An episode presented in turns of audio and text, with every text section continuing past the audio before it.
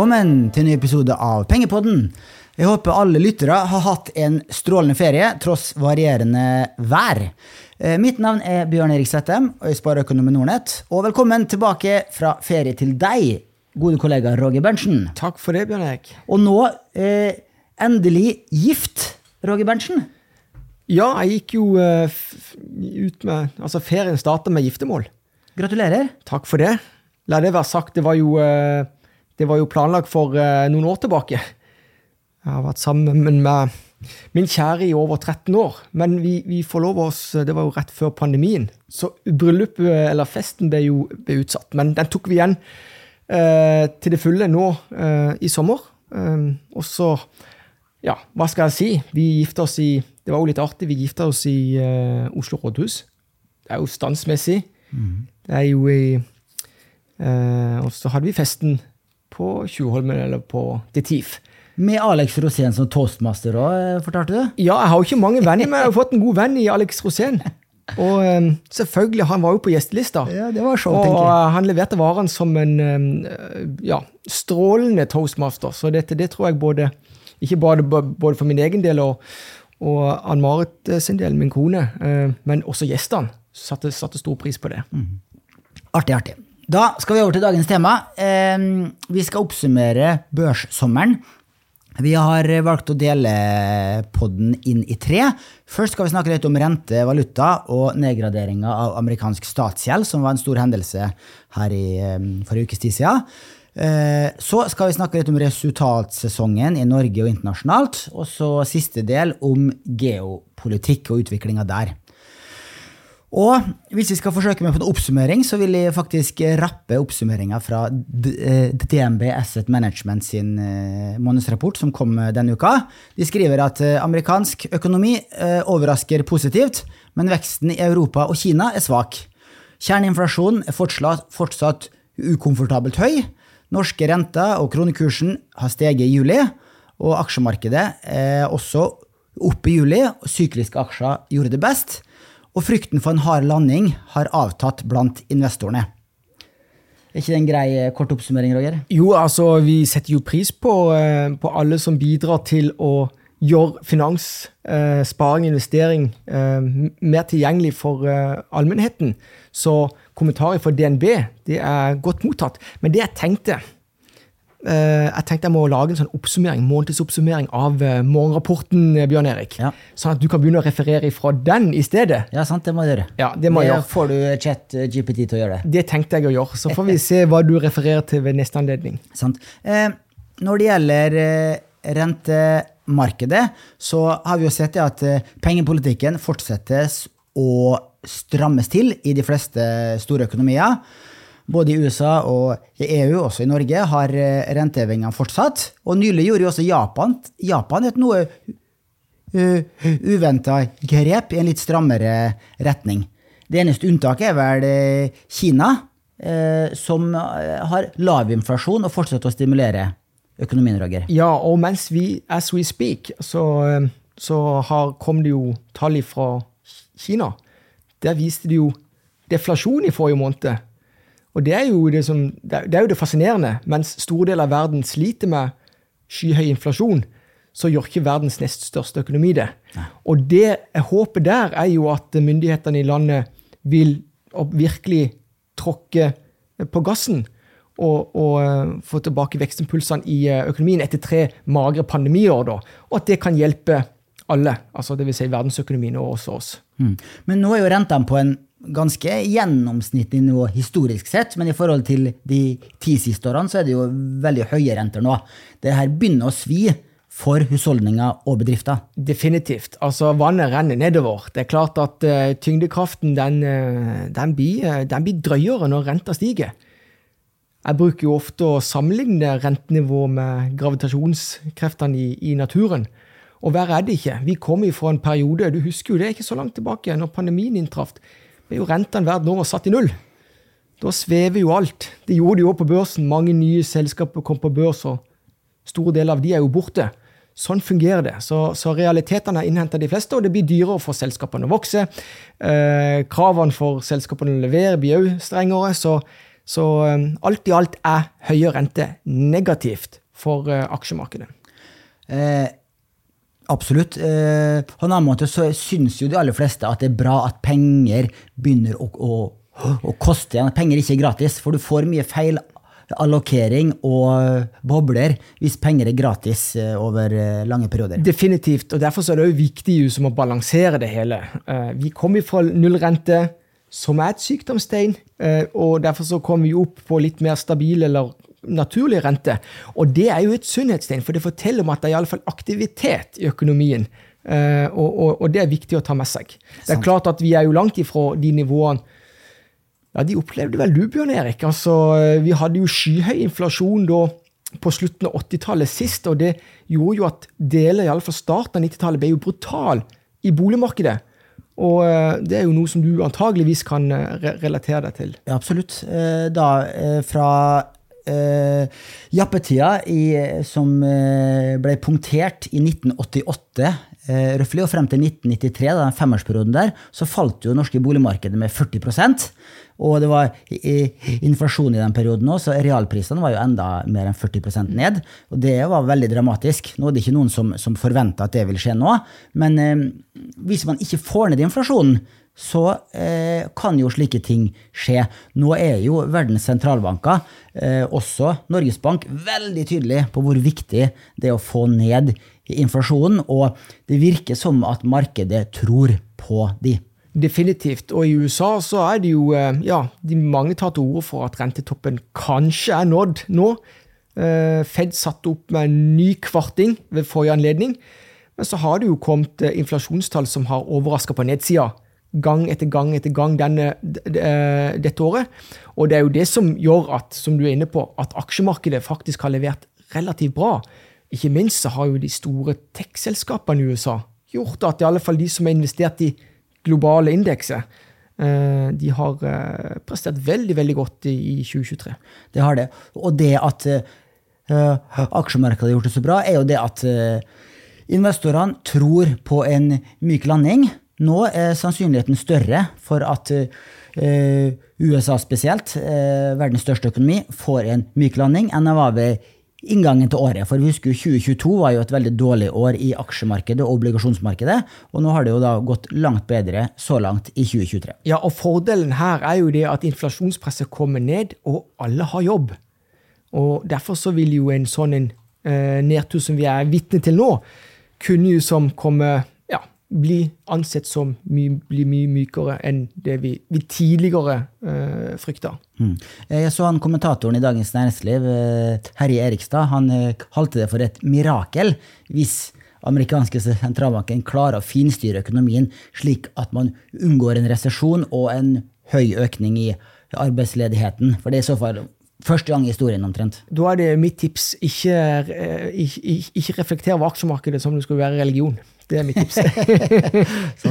Ehm, for vi ser jo verdens viktigste rente har jo steget gjennom eh, sommeren. Eh, det er jo eh, ti års amerikansk statsobligasjonsrente. Den ligger nå på 4% og i mai så var jo den nede på under 3,5. Den falt jo vesentlig i i mars måned i forbindelse med denne bankuroen hvor flere amerikanske mellomstore banker gikk konkurs. Da var den også oppe og snuste på firetallet, og så falt den jo rett ned på uh, under 3,5 i løpet av få uker. Men nå er den altså oppe på 4% igjen. Det er han. Og uh, iallfall i den verden som jeg lever i, uh, en, en pod uten å nevne Buffett, uh, det er jo basically umulig. Men han har alltid operert med lang rente på rundt 4% når han gjør investeringsbeslutninger. Sånn at han blir ikke sånn veldig euforisk uh, når rentene går i kjelleren til å gjøre uh, tunge investeringer. Men han blir enda mer gira når uh, renta kommer opp og passerer 4 For det er utgangspunktet da du kan gjøre mer av disse røverkjøpene. Da frykten er større i markedet. og derfor, Da han blir, blir, han litt mer foroverlent som, som investor. Så Derfor så er den lange renta det er jo som barometer, eller den Hva skal vi si? Eh, hvis du skal sammenligne med høydehopp, det er det som er stanga du skal hoppe over.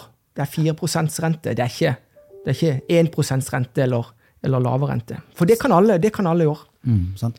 Og eh, den store happeningen i eh, rentemarkedet i sommer, det er vel eh, det som skjedde 1.8, da kredittvurderingsbyrået Fitch nedgraderte amerikansk statsgjeld fra AAA, som er da høyeste eh, rangeringa, til AA pluss. Og da falt jo eh, amerikanske aksjemarkedet betydelig. Eh, Nasdaq falt 2,2 eh, den påfølgende dagen.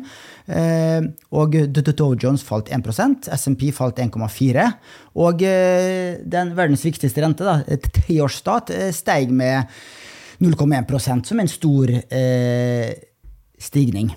Dette kom ganske uventa, Roger. Ja, eh, hvis vi går litt tilbake i tid, ikke, ikke lang tid, men altså noen måneder, så var det jo dette problematikken med gjeldstak i USA. Politikerne de kjemper med nebb og klør eh, om politiske saker, og, og, da brukes gjerne den der eh, gjeldstaket forhandlinger knyttet til gjeldstaket som en som brekkstang. Og det har et av de et av de tre store ratingbyråene i verden, altså Fitch et av de, de, de har jo da sagt at amerikansk økonomi, politikk, intern politikk, har jo vært bidratt til å skape litt eh, økt usikkerhet knytta til, til, eh, til, landet. Og til syvende og sist, når du endrer kredittratingen, så sier du da indirekte at det er litt lavere sannsynlighet for at de kan betjene sin gjeld. Eh, så er jo sånn at fra mitt, mitt ståsted så er jeg ikke så veldig bekymra for det at Husk på det at dollaren det er jo verdensvalutaen. Eh, amerikaneren har anledning til å trykke penger, så at betjeningsevnen til, til, USA at den plutselig skal ha blitt veldig mye dårligere pga. Ja, rett og slett politiske diskusjoner knytta til gjeldstak. Eh, gjeldstaket er jo et konsept som har eh, Eller en, en, en, form som amerikanske politikere har hatt i over 100 år. Dette er ikke noe nytt fenomen. Men jeg tror for mange så kan det vel opp Eh, som føles som nytt, fordi at det skrives opp og ned i mente media med skremselspropaganda propaganda og det ene og det andre. Det er jo noe som jeg sånn personlig er litt motstander av. Altså, journalister eh, For å få gjerne klikk, så, så kan du sånn forsterke eh, det vil si ikke-nyheter. For meg er, når, når de diskuterer om, om gjeldstak i USA, så er det en ikke-nyhet, for de kommer i mål til syvende og sist. Jeg er mer bekymra for alle de land som ikke har et uh, gjeldstak å måtte forholde seg til hver gang, uh, hver gang de trenger å øke budsjettene. Mm. Eh, men eh, amerikansk statsgjeld, altså eh, Den begynner å bli vel høy nå, og det er også en av grunnene til nedgraderinga. Jeg så at eh, Fitch regner med at at amerikansk statsgjeld vil utgjøre 118% av amerikansk økonomi, altså av BNP, innen 2025. Noe som vil være eh, mer enn to og en halv ganger høyere enn medianen på 39 eh, prosent hos andre AAA-land, som Norge f.eks. Eh, sånn at, eh, men som du sier, eh, USA er i en særstilling fordi at de har verdensvalutaen. De kan eh, trykke nye dollar for å betale den statsgjelda, men da vet vi jo hvis de trykker for mye dollar og øker pengemengden for mye, så kommer jo inflasjonen. Men til syvende og sist, altså vi må jo prøve å forklare dette i, i billedlig form. USA de står på egne bein. De er selvforsynt med alt det de trenger for å drive for egen maskin. Det er ikke Norge. Langt derifra. Vi er avhengig av alle andre, men likevel har vi trippel A-rating. Så du kan jo se det fra et relativt perspektiv. Så er det riv ruskende galt i min verden at USA har dobbel A pluss og Norge har trippel A. I Norge det ene er at vi importerer jo alt det vi trenger for å komme gjennom dagen. Nummer to er det at vekstimpulser i norsk økonomi det kommer i utgangspunktet kun fra havbruksnæringa, som er blitt kaldkvelt i det siste tida. Det er ikke vekstimpulser der. Oljeindustrien den er jo i det vi kaller for secular decline. Og det er jo den viktigste faktoren i norsk økonomi. Så hvis du ser bare som norsk, hvordan norsk økonomi er i forhold til amerikansk økonomi, og ser på vekstutsiktene uh, framover, så er det jo som natt og dag. I USA så er det jo bredt, veldig bredt fordelt på, på, ulike sektorer. Og det er jo den, til syvende og sist det er den viktigste faktoren. Den som har en diversifisert økonomi, og en økonomi som, hvor vekstimpulsene fremdeles er til stede. Produktiviteten, innovasjonskraften er til stede. Der er USA i en særstilling. Så for meg er det litt rart. Det er viktig å presisere at kanskje det viktigste ratingbyrået der ute, som er Moody's, som for øvrig hovedeier i Moody's, vet du hvem det er, Bjørn Egg? Ja, det er sikkert Warren Buffett. Ja, det er sikkert det. Det er klart at jeg legger lissepasninger til deg. Du trenger ikke å forberede deg engang. Men de har jo en trippel A-rating på, på, på, USA. Men, eh, men, til syvende og sist, du har rett. Det, det, det fikk innvirkning på finansmarkedene. Ja, og så eh, Ja, det er selvfølgelig at uh, det er mye sterkere vekstimpulser i, i, i USA Norge. amerikanske økonomien har vokst veldig mye i, veldig mange år. De eh, tiltrekker seg de klokeste hodene, stabile rammebetingelser osv. Men eh, Norge har jo nesten ikke statsgjeld. Eh, statsobligasjonsmarkedet i Norge er jo veldig lite, fordi at eh, norske stat trenger ikke lånepenger. Vi har eh, tvert imot fordringer på resten av verden gjennom oljefondet. 14 000 milliarder kroner, er det vel. Eh, en morsomhet er at eh, i Sverige så har de ikke eh, oljefondet, men de har eh, statsskulden. Så hvis du går inn på statsskulden.se, så ser du hvor mye Sverige har i statsgjeld. Den er på 1000 milliarder kroner nå. Det er ikke så voldsomt, men de har 8 8291 milliarder i statlige betalinger. Sånn at eh, vi, vi, har oljefondet, de fleste andre land i verden har statsgjeld. Ja, Men husk på det at jeg vil si at når du sammenligner Norge og Sverige, det er jo nesten litt sånn natt og dag. Sverige er en helt annen liga hva, hva, gjelder innovasjonskraft og bredde i økonomien, enn det vi i Norge. I Norge vi var lut, for å si det rett ut, Bjørn Erik, vi var lutfattige inntil det ble gjort et gigantisk funn på norsk sokkel. Vi vant i Lotto. Vi hadde ingenting. Og så er det jo sånn, husk på det at hvis du, er, hvis du har lite fra før, og får et hav av penger å forvalte, det, skal godt gjøres at du kommer, kommer, godt ut av det på sikt. For normalt sett så bruker du pengene feil i dårlige tider. Du tenker at du skal stimulere økonomien når det er dårlige tider. Nei, det er da du skal skal du leve på lut kaldt vann for å øke innovasjonskraften. Mens i Norge så har vi basically bare brukt av oljeformuen hver gang det har vært antydningen til krise i verden. Og det gjør jo at de over tid Folk ser det ikke i det korte bildet, men over tid så bygger det opp veldig store ubalanse. rett og slett. Så fordringer på resten av verden, sier du. Jeg sier det at uh, den, i Norge så, opp, uh, så, bygger vi fordringer på fremtidige generasjoner, rett og slett. For offentlig sektor kan, kan eller vil ofte bli større enn den fortrenge den private delen av økonomien. Ja, du, har eh, du, har selvfølgelig et poeng, Roger, eh, når det gjelder innovasjonskraft og vekst. Men kanskje i Norge en gang, om, eh, hvis vi blir så rike da, at vi kan bli som disse oljestatene i araberlandene som importerer arbeidskraft, og så har primærbefolkninga ferie store deler av året. Ja, vi har jo Vi, vi skal sikkert komme inn på kunstig intelligens òg. Du vet at i, i verste fall, kunstig intelligens, alt blir jo gratis til slutt. Og er det det vi blir redda i Norge? Hvem vet? Da må vi inn på sporet igjen, Roger. Vi må snakke litt om valuta også. Fordi at eh, norske kroner fikk jo en etterlengta styrking i juli. Eh, NOK var opp 5-6 målt mot dollar og euro i juli. Nå har den riktignok falt litt eh, tilbake siste uka. altså første uke i august. Vi spiller den her inn onsdag 9. Eh, august, og den kommer ut i morgen, torsdag. Eh, men det har i hvert fall vært eh, bra for ferierende nordmenn at kronekursen har styrka seg litt fra rekordsvake nivåer. Og for, eh, for eh, fondssparere og de som eier utenlandske aksjer, har jo da eh, fått et valutatap, for en gangs skyld. Vi har jo vært eh, bortskjemt, vi som har investert mesteparten av eh, sparepengene våre i utenlandske aksjer og fond de siste årene, med at vi har fått en eh, valutagevinst som har vært om, om, om, lag i gjennomsnitt på nivå med aksjemarkedets avkastning. og nå har det slått litt tilbake, da. Ehm, det er jo umulig å spå om valutaen, Roger. Har du noen eh, kommentarer du vil knytte til det? Nei, først og fremst så er det jo, eh, det er jo et tema som vi selvfølgelig nevner uh, i mange sammenhenger. For det, det, er jo, det, er jo, en av de viktigste faktorene for et lands økonomi. Det er hvor sterk og eventuelt svak krone er, for dette påvirker så ekstremt mange beslutninger. Så er det jo, jeg er jo tilbake til det vi snakket om innledningsvis. altså Kredittverdigheten til ethvert land? Altså Hvis du sammenligner USA og Norge, hvor vi skal ha høyere kredittvurdering enn det USA har, så skal utgangspunktet være tryggere for utlendinger å plassere penger i Norge. Vi skal tiltrekke kapital. Eh, men det har vi kanskje ikke gjort.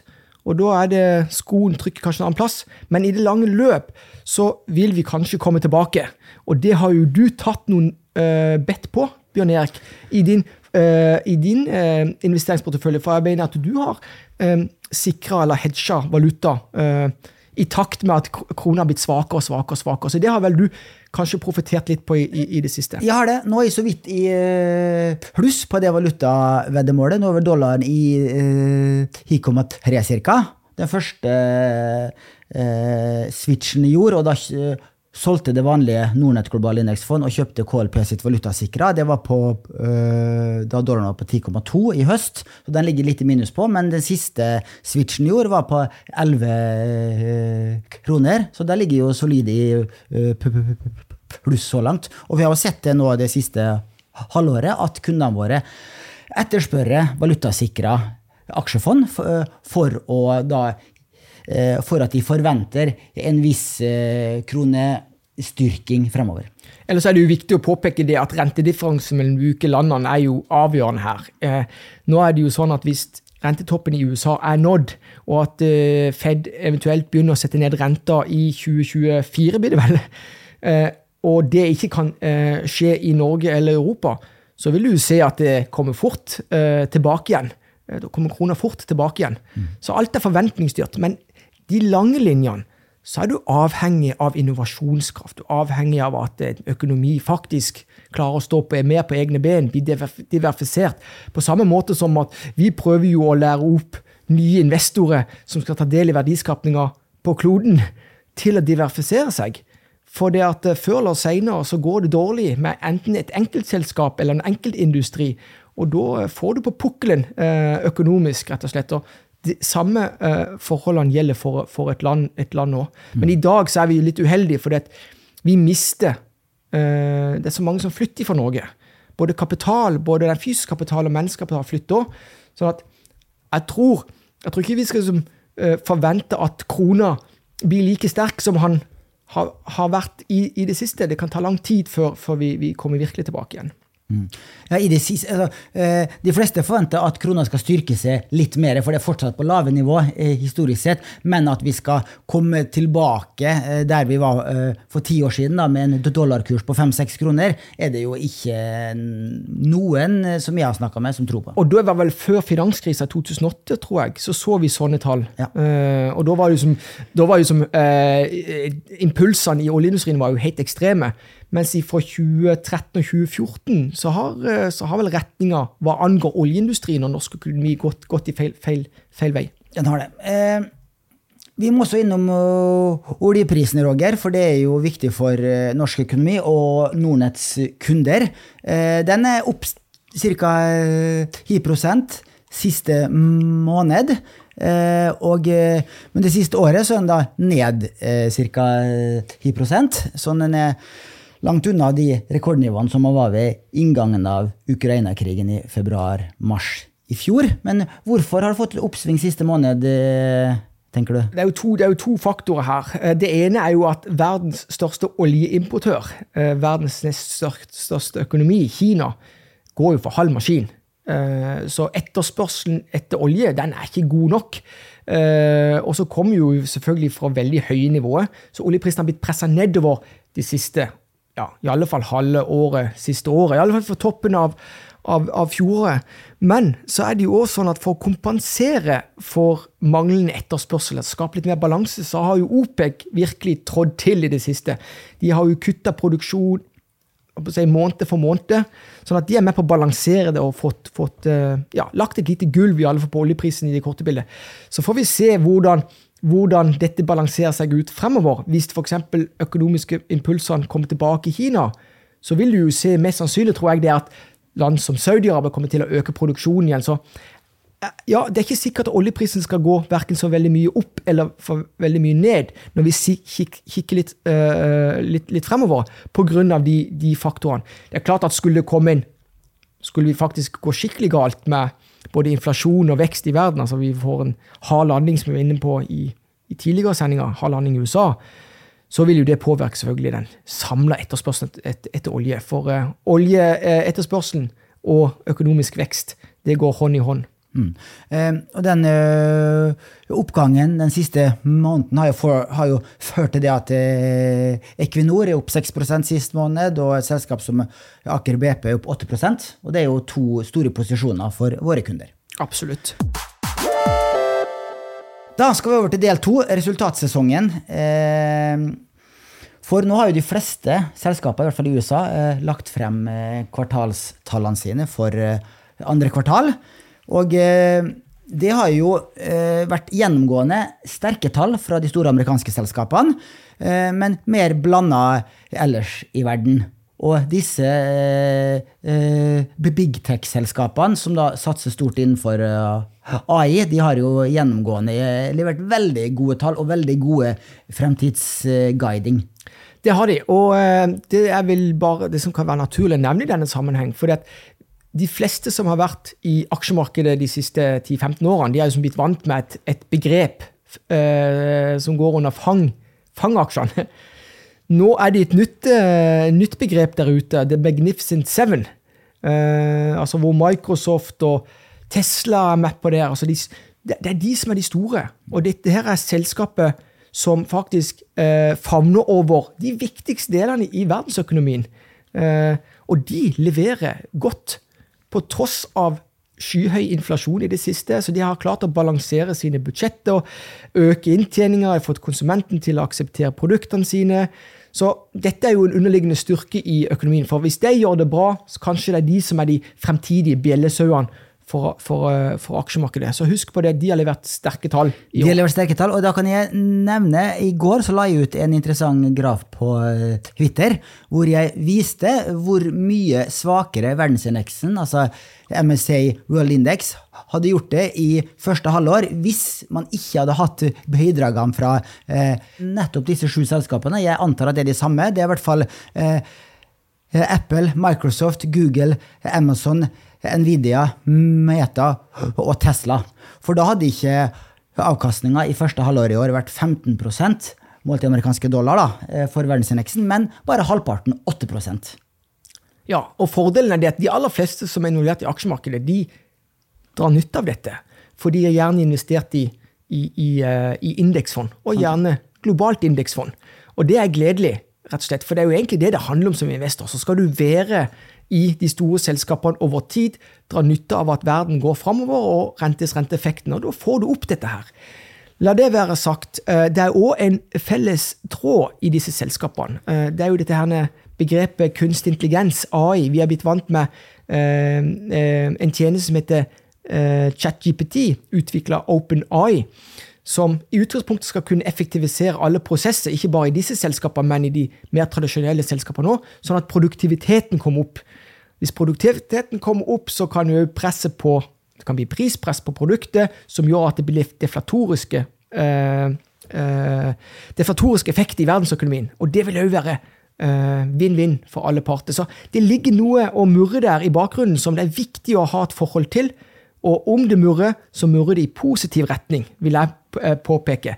Og så er det òg, har jeg lyst til å bare eh, påpeke at de tradisjonelle virksomhetene nå, f.eks. et selskap som Caterpillar, har òg levert enormt sterke tall i foregående kvartal. Og det, da kommer vi tilbake til selskapet som gjør at hvis det er infrastrukturbygging i verden, så profitterer selskap som Caterpillar på det. Det er bulldoser og gravemaskiner og den type ting. Så jeg vil, jeg vil fremheve at andre kvartal har overraska virkelig positivt uh, i, i, i, år. Det det. Men verdens mest verdifulle selskap, det er Apple, de eh, skuffa på resultatfremleggelsen og hadde vel fallende, fallende omsetning? Ja, og da må jeg bare si, uh, da skuffer du meg, Bjørn Erik. For du har ikke fulgt med i timen. For, for Apple sin vekst, altså de har jo nådd, de, de har jo basically nådd taket på hvor stor du kan bli i, i omsetning. Uh, verden er ikke uendelig. Sånn at veksten har jo stoppet opp for lenge siden for Apple. Men de har en monopollignende posisjon uh, som gjør at de har enorme marginer. som, som kommer tilbake som til aksjonæren i form av enten enkeltutbytte, altså cash-utbytte, eller først og fremst da, uh, tilbakekjøp av aksjer. Warren Buffett er største enkeltaksjonær i, eh, i, Apple. Men de leverer produktene. Når jeg sier at de har monopolliggende posisjon, så betyr det at de har, de har, produkter som gjør at de kan De trenger ikke å fire på prisen for å, for å, å gjøre, selge mer til de kundene de allerede har. Det er viktig at de produktene de har, de skaper vinn-vinn-relasjoner. Meg og deg, Når vi kjøper en telefon, så, så, får vi en økt verdi. Eh, vi får en økt effektivitet i hverdagen. Så, så Apple kan kanskje ikke bli så veldig mye større i i, i salgstall, men, men, de har en enorm profit margin mm. som gjør at det er fremdeles veldig attraktivt å investere i, eh, i, i Apple. Men, men, selvfølgelig, jeg er ikke skuffa av deg. Eh, det er bare at du legger sånne lissepasninger til meg, og det er jeg glad for. Eh, men jeg så også at, at, eh, at PE-verdiene for disse Magnificent Seven-aksjene har jo skutt i været nå i år. Og det er jo et faresignal. Og du har jo eh, Nvidia som en av eh, de største investeringene i eh, de to amerikanske porteføljene eh, dine.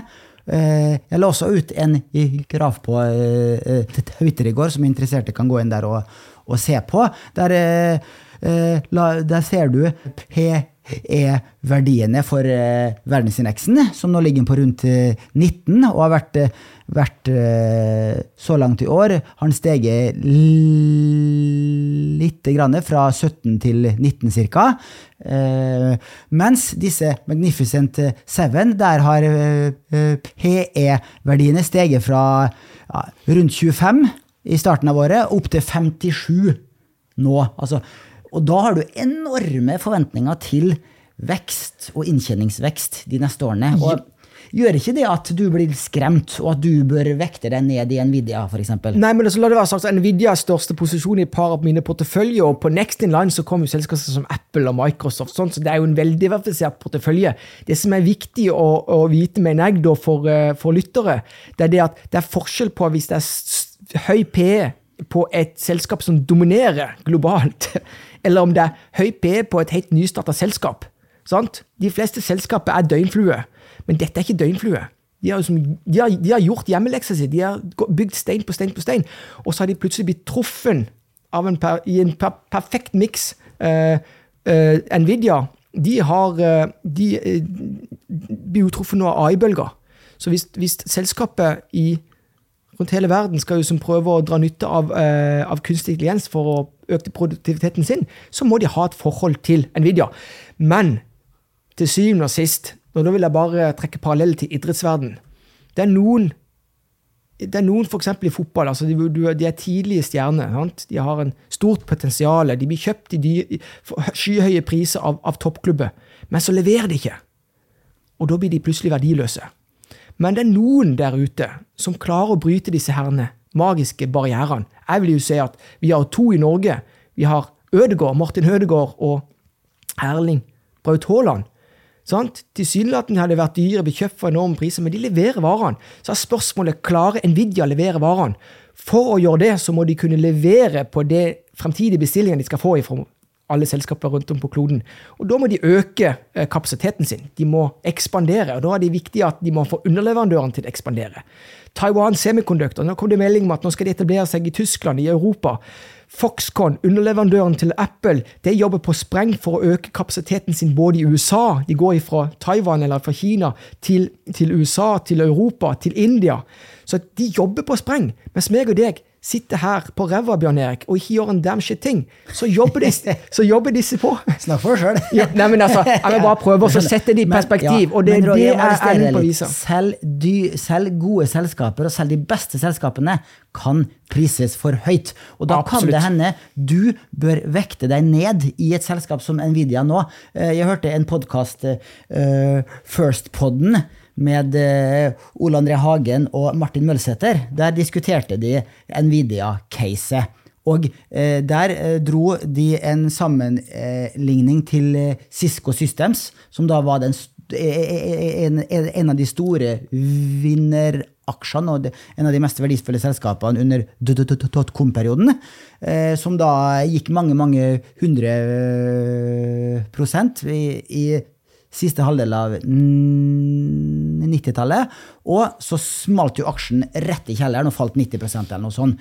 Selv om de opprettholdte veksten sin og opprettholdte lønnsomheten, men selskapet var bare så hinsides priser. Og det er det jo en del nå eh, som mener er tilfellet med Nvidia. Og da eh, bør du og andre som har da tjent veldig bra, eh, og har Nvidia som en veldig stor posisjon i porteføljen sin, vekte seg ned. Absolutt, og det er jo det som er at hvis, hvis forventningene ikke innfris det var jo det, ja, Selv om de innfris. Fordi bare, det er bare ja. eufori. Ja, nei, altså husk på det, det er forskjellen, på, forskjellen i, i det du sammenligner med sånn når, når IT-bobla sprakk. Da var, det, da var jo som ikke infrastrukturen, internett var ikke utbygd. Jeg husker jo den tida, da drev jo vi når jeg gikk, jeg, gikk jeg på, jeg lurer på om jeg gikk på gymnaset da. Vi drev måtte trekke kølapp for oss å få tilgang på en eller annen nettleser. Var det Netscape eller et eller annet surr? Så at du skjønner, det var det, var det ikke, Veier var ikke bygd. I dag har vi Hele den IT-bransjen er jo litt mer modna nå. Uh, uh, nå har det vært Intels produkter, for eksempel. This time it's different, Roger. Nei, det er ikke det, men jeg, jeg, vil, jeg, vil, jeg vil, bare, vil bare på at det, detaljene ligger altså, Details in, in the devil. Men her er det klart at hvis et selskap ikke innfrir helt oppriktig, så kommer aksjekursen kraftig ned. Og da må du som, som investor stille deg spørsmål er jo denne, og fremstår den aksjen som mye billigere da, mer fornuftige priser. Kanskje det kan komme inn andre type investor da? Eller bør en som er involvert i Nvidia i dag, skal han selge? En som er kortsiktig, vil jo selvfølgelig gjøre det. Men jeg lever og ånder for den Buffett-filosofien. Når vi først gjør investering, så tenker vi oppføre oss som eiere. Penger er ikke så forbaska viktig, for til syvende og sist så vil jo verdiene og prisen samhandle. Jeg tror at de underliggende verdiene i Nvidia i, i et, uh, vil da komme til syne. Og kanskje Nvidia blir, som Apple i dag, verdens uh, mest verdifulle selskap. For Apple er verdt 3000 milliarder. Nvidia er verdt 1000 milliarder dollar, uh, vel å merke. Mm. Vi får se. Vi får se, Roger, men jeg skal arrestere deg hvis Nvidia halveres nå i løpet av det neste året. Ja, absolutt. Men, si, men, jeg, jeg? Men jeg vil, ikke, jeg, tror, jeg vil ikke ta det tungt. Nei, du har jo kjent uansett. sånn at uh, det er greit. Men vi må snakke litt om ditt favorittselskap også. For uh, Berkshire-aksjen er jo i all time high denne uken. Har du feira med kake? Ja, Det er jo sterkt. Tenk det. Du er over 90 år og leverer som bare juling i aksjemarkedet. Husk på det at Warren Buffett har jo bygd opp dette her, Berkshire-systemet, eller selskapet. Det var jo egentlig et konkursspor. Han har bygd opp fra null til å bli uh, så kjedelig som et halvt norsk oljefond. er ikke det fascinerende? Det er blitt en verden i miniatyr. Og det er jo et sånn en test i tiden. Altså Hvis en, en verden i miniatyr er i all time high, uh, og der er det ikke stiv prising, så er jo det et underliggende plusstegn for verdensøkonomien. Rett og slett. Så ja, eh, en burde kanskje feire med, med bløtkake. Eh, men jeg tror, jeg tror, Buffett selv koser seg. Mm. For de la frem knallsterke kvartalstall?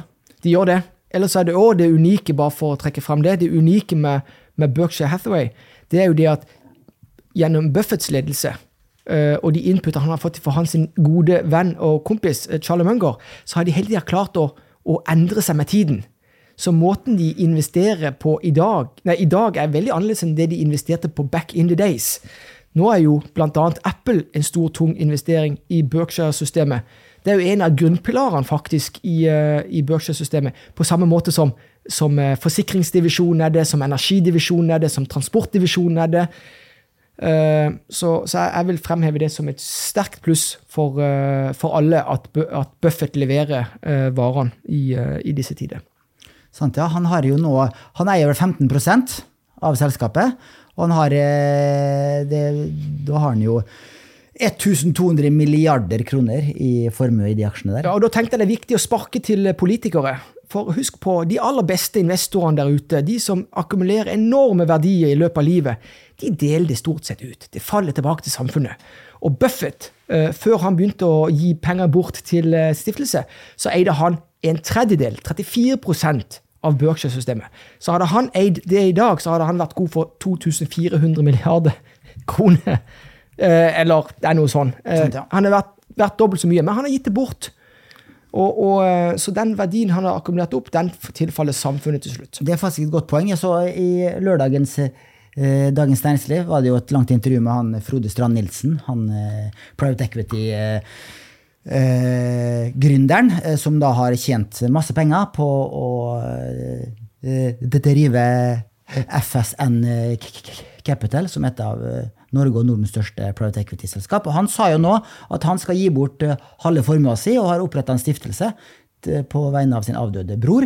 Uh, og det er jo mange av disse uh, norske næringslivsinvestorene som bygger store virksomheter, de gir jo vekk pengene sine. Minst halvparten er en god regel iblant de virkelig rike i USA, og den regelen har begynt å komme til Norge òg. Kjell Inge Røkke skal gjøre det samme. Mar, det er viktig, som du sier, at politikerne hører det. Ja, det er viktig å applaudere det og ta fram det. Det er faktisk den underliggende trenden i, eh, i, i, i Norge òg. Ja. Selv, selv, om ikke det nødvendigvis er det som kommer opp i, i medie, mediebildet. Kjempe, kjempeflott. Eh, to ord også om eh, Novo Nordisk, Nordens mest verdifulle selskap. Det var det verdt eh, fem ganger Equinor nå, røftlig. Eh, de kom jo med noen nyheter fra en, en, studie i går som gjorde at aksjen gikk opp eh, var det 15 Jeg har bare lyst til å reflektere litt over det, for å som flette inn hva vi har knyttet til ting vi har snakket om tidligere. Norsk økonomi. Det var jo en tid der sant, hvor vi var skikkelig storheter i Norden, eh, Bjørn Erik. Hvor Equinor var det mest verdifulle selskapet i Norden. Nå er det ikke det. Sant? Hva var det du sa? Fem gang, var det fem ganger? Jeg tror det er fem ganger Equinor nå. Det er noe politikerne i Norge bør få med seg. Innovasjonskraften til Novo Nordisk, eller til danskene, er jo helt eventyrlig. Novo Nordisk har sine røtter tilbake fra 1923, om ikke jeg husker feil. Fedme er et stort problem i verden. Nå har det jo kommet en femårig studie som de har lagt fram. Nå, Resultatene det har vært veldig veldig oppløftende. Det gjør jo at de kan ja, selge produkter som gjør verden først og fremst til et bedre sted å være. Eh, også selvfølgelig aksjonærene eller investorene i Novo Nordisk får eh, økt eh, verdiutvikling òg. Så her er det vinn-vinn-relasjon i kursoppgangen til Novo Nordisk i det siste. Og Det er viktig å, å ta med seg, men det, da vil jeg bare fremheve dette er jo, dette er jo innovasjonskraften, røttene til Danmark. Eh, så for de investorene i Norge som har investert i f.eks. et dansk indeksfond, de drar jo kraftig utnytta det. For jeg tror indeksen i Danmark stiger den 9 på nyhetene. Ja, det er helt rått. Det er helt rått. Det er det. Og, eh, og, eh, forrige uke, for de som vil høre litt mer om Novo Nordisk, så snakka jeg fem minutter eller noe sånt med Alfred Berg, Nordic Gambak-forvalter Kristian eh, eh, Hunål om nettopp Novo Nordisk, som er hans største posisjon. Det var 9% av hans eh, fond, så hvis aksjen gikk opp 15 i går, så går jo det fondet hans 1,5% bare på den ene aksjen. Så det er han sikkert veldig glad for. Og hvis du da har Nordnett indeksfond Danmark f.eks., så har du 15% andel i Novo Nordisk. Hvis du eier HLP, sitt nordiske indeksfond, så har du hele 18% Novo Nordisk. Jeg kan jo legge til at en, en, vanlig regel for aksjefond er at de kan ha maks 10 eh, andel i et enkeltselskap, men for indeksfond så er det et unntak fra Jusits-regelverket, eh, som sier at da kan du ha inntil 20 eller 25% Jeg tror det er oppe i 35 eh, før, sånn. før de blir revekta. Okay. Jeg lurer på om det gjelder òg for Jeg er usikker på, kanskje det gjelder for Oslo Børs òg? Ja, jeg, jeg, ikke helt sikker, men i hvert fall så er det en, en, en del indeksfond, og også eh, norske indeksfondene har også mer enn 10 Equinor. Da. Eh, men det er jo utrolig spesielt, og kanskje første gangen, at eh, Nordens desidert mest verdifulle selskap har steget 15% på en dag. Absolutt, men en annen ting er det at det er viktig dette, altså produktet til først og fremst så er det jo bygd Novo Nordisk er bygd på, på, eh, på diabetesmedisin. Eh, og eh, fedme er jo blitt et gigantproblem verden over. Så, så, jeg vil bare nok en gang fremheve det at som investor, når du kommer tilbake til dette med integritet til ditt selskap Hvis selskap leverer produkter, driver med innovasjon og leverer produkter som gjør verden til et bedre sted, that's the real deal, altså. Uh, og Derfor så vil jeg jo da skryte all masse av, uh, av ikke bare både da, da, dansk innovasjonskraft, men òg Novo Nordisk. Ellers er det jo en uh, Noen vet det kanskje allerede, men, men, men tidligere sjef i Equinor, eller Statoil, han er arbeidende styreleder i, i Novo Nordisk. Helge Lund, ja. Så Helge Lund, så han er sikkert godt, godt fornøyd. Det er artig. Da har vi en, en liten fot innafor der. Norge. Siste del, eh, geopolitikk, Roger. Eh, Kina-USA-konflikten.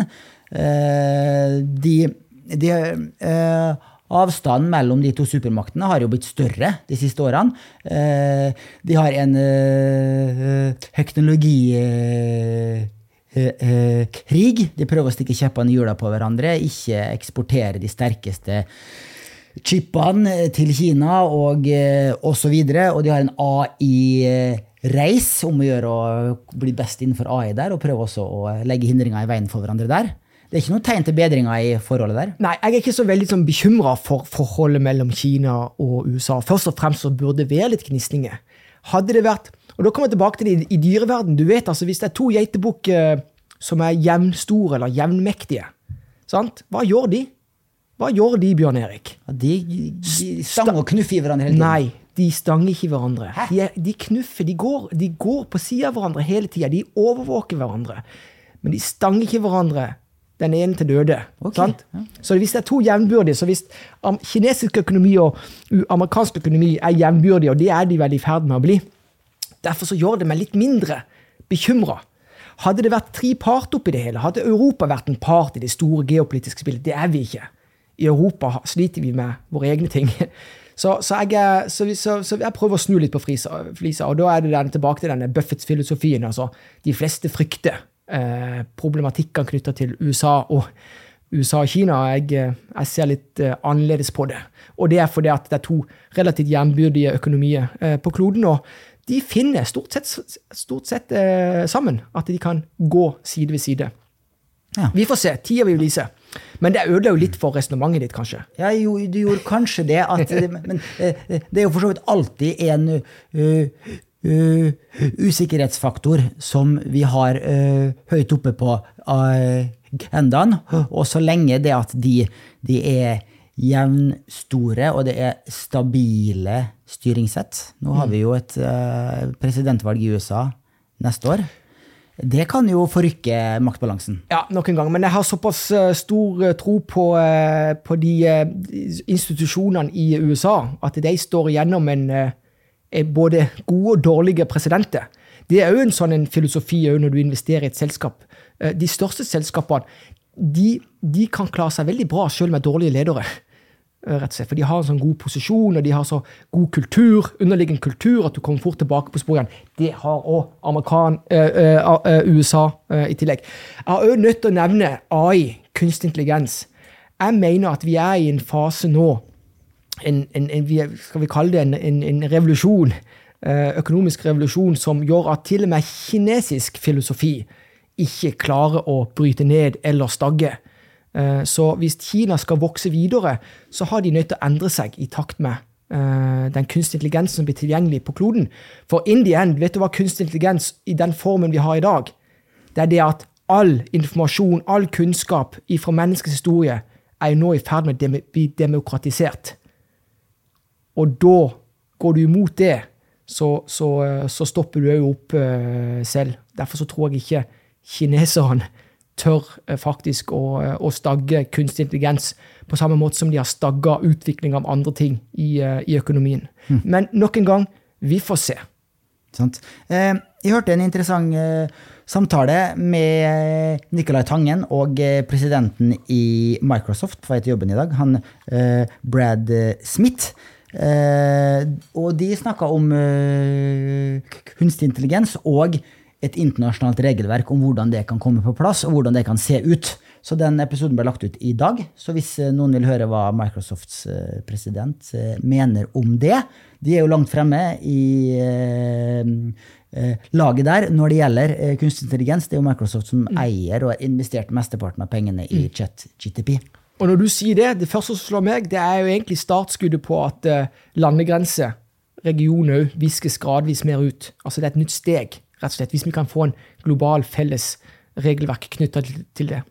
Og Nicolai Tangen også nevnte hvor mye hver nordmann eier i Microsoft. Altså hvis du uh, deler oljefondet sin eierandel i eh, Microsoft på er 5,3 millioner nordmenn. Hvor mye er det, Roger? Ja, først og fremst så syns jeg det er eh, trist at ikke Nicolai Tangen har vært i vår podkast. Han burde vært her og snakke om dette. Han kommer. For, for jeg, han, han kommer, han må komme. Men jeg, jeg, jeg vil bare si det sånn. Det som skuffer meg litt Jeg liker å provosere, for det er jo, når du provoserer andre, da, da, da de gjerne kommer òg. Men oljefondet er jo undervekta både i Microsoft og i Apple i forhold til disse herne globale indeksene. Ja, for det er USA ja, generelt. Mm. vi burde eid mer av både Apple og Microsoft og Nvidia. Og der eh, håper jeg Nicolai Tange blir litt provosert, og at vi kan snakke om det i en fantastisk podkast sammen med han. Sant, det må vi gjøre. Men vet du hvor mange tusen kroner eh, hver nordmann eier i Microsoft? Ja, Eier vi, trodde vi eier en prosent eller to? Av 2 av Microsoft? Ja, jeg tror ikke det er så mye. Nei, men si at vi er 1 eh, og så er det verdt eh, snart 3000 milliarder. Eh, og så fordeler du på det, så har du vel regnestykket. Men det er godt mulig, jeg vet ikke hva, hva eiendelen er. Han sa i hvert fall 40 000 norske kroner per innbygger Nettopp. da- i ja. bare Ja, Microsoft. det er jo fantastisk. Men betyr, ja, betyr det at uh, vi burde ha eid det dobbelt, egentlig? Ja, eh, hvis vi hadde hatt nøytrale Vekter? Vekta på verdensindeksen, så er det nok det. Men eh, vektene er fortsatt knytta opp mot uh, handel, altså hvem vi handler mest med. Og da er USA fortsatt betydelig undervekta i oljefondet. Jeg må jo si det at den podkasten til Nicolai Tangen er jo fantastisk. Ja. altså Hvor han da kommer så tett på, på de største personlighetene innen disse selskapene. Og flere av de vi har kalt for Magnificent Seven. Sant, ja. Hvis du tar 14 000 milliarder norske kroner, da, som er vel oljefondets verdi cirka, og deler på 5,3 millioner nordmenn, så får du 2,6 millioner kroner, som er da eh, Ja. hver person sin andel. Nå er det jo fremtidige generasjoner, så det blir eh, veldig eh, hypotetisk å regne på den måten her, men det er likevel et morsomt tall. Ja, og jeg skal bare si det, i det lange løp, ikke vel? Hvis vi har tjent mye nå, så må vi gi det tilbake til våre, ja, til våre kjøpere. Så jeg må si at de pengene der, vet du hvor de lander henne? De lander på i, i, i arbeidere i Europa sin lomme. De havner ikke hos oss. Sant? Um, og um, så har vi jo en uh, krig i Europa som har pågått nå siden eh, 24. februar i fjor, er det vel, så halvannet år. Det er jo utrolig trist, men den påvirker i overraskende liten grad aksjemarkedet. Eh, eh, Riktignok da eh, krigen starta, fikk du en reaksjon ned, spesielt i Europa, men eh, ellers så har vi sett lite eh, eh, kursbevegelser som følge av den tragiske krigen. Ja, det har vi, og det er jo klart at det forteller kanskje litt om, om hvordan, hvor raskt økonomien en, altså klarer å tilpasse seg si, store endringer. Hvor, hvordan, hvordan krigen ender. Det fins vel mange oppskrifter på det, som vi kan gå tilbake i historiebøkene. Eh, at, at det blir en eller annen løsning på den innen på et eller annet tidspunkt, men det er jo ikke vits å spekulere eh, i, i når det skulle bli. Men i alle fall så har jo mange av handelsstrømmene endra seg som en følge av det. Altså at uh, Istedenfor at Russland da selger sine råvarer til Europa, så selges de til Kina og til, til eh, India. Eh, men, men de selger jo til halv pris. Så, så om noe så er det jo egentlig Russland som bare for hver dag som går, som svekker sin relative posisjon. Og det tror jeg ikke går over tid, eh, rett og slett. Ja, for jeg, eh, jeg eh, En av de tingene jeg gjorde eh, da eh, eh, krigen starta, var at jeg kjøpte en sånn en agriculture-ETF. For da tenkte jeg at uh, landbruksvarer, uh, korn, hvete, soya osv. ville få et oppsving, og det gjorde det i starten, men nå, eh, hvis du ser på siste års eh, på disse råvare- og landbruks-ETF-ene, så er den stort sett minus de siste tolv månedene. Så det er ikke så lett å posisjonere seg i forhold til Altså investeringsmessig. ja, Investeringsmessig. la det være så, Ukraina er jo essensiell når det kommer til det er vel hveteproduksjon. Eh, så, og det er, jo, det er jo nesten sånn en liten del av kammeret til, til verden hva angår kornproduksjon. Og dilemmaet er at hvis Putin bruker det som en strategisk eh, virkemiddel og hindrer at korn kommer rundt på verdensmarkedet, så, så indirekte det han skader mest, det er jo de som kanskje ha- ha- han er nærmest. altså fremvoksende økonomier.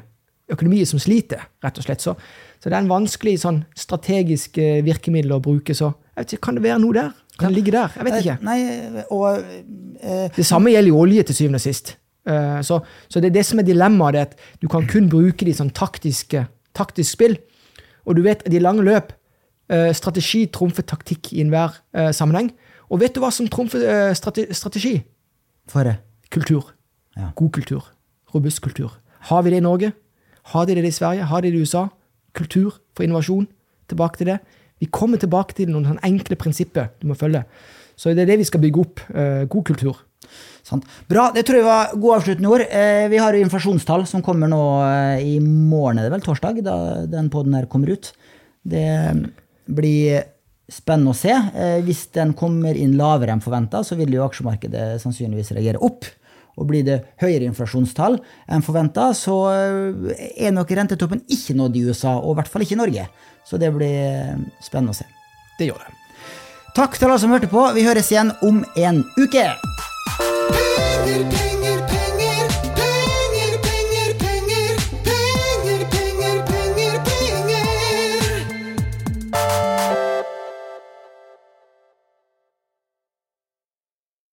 Denne podkasten skal anses som markedsføringsmateriell, og innholdet må ikke oppfattes som en investeringsanbefaling.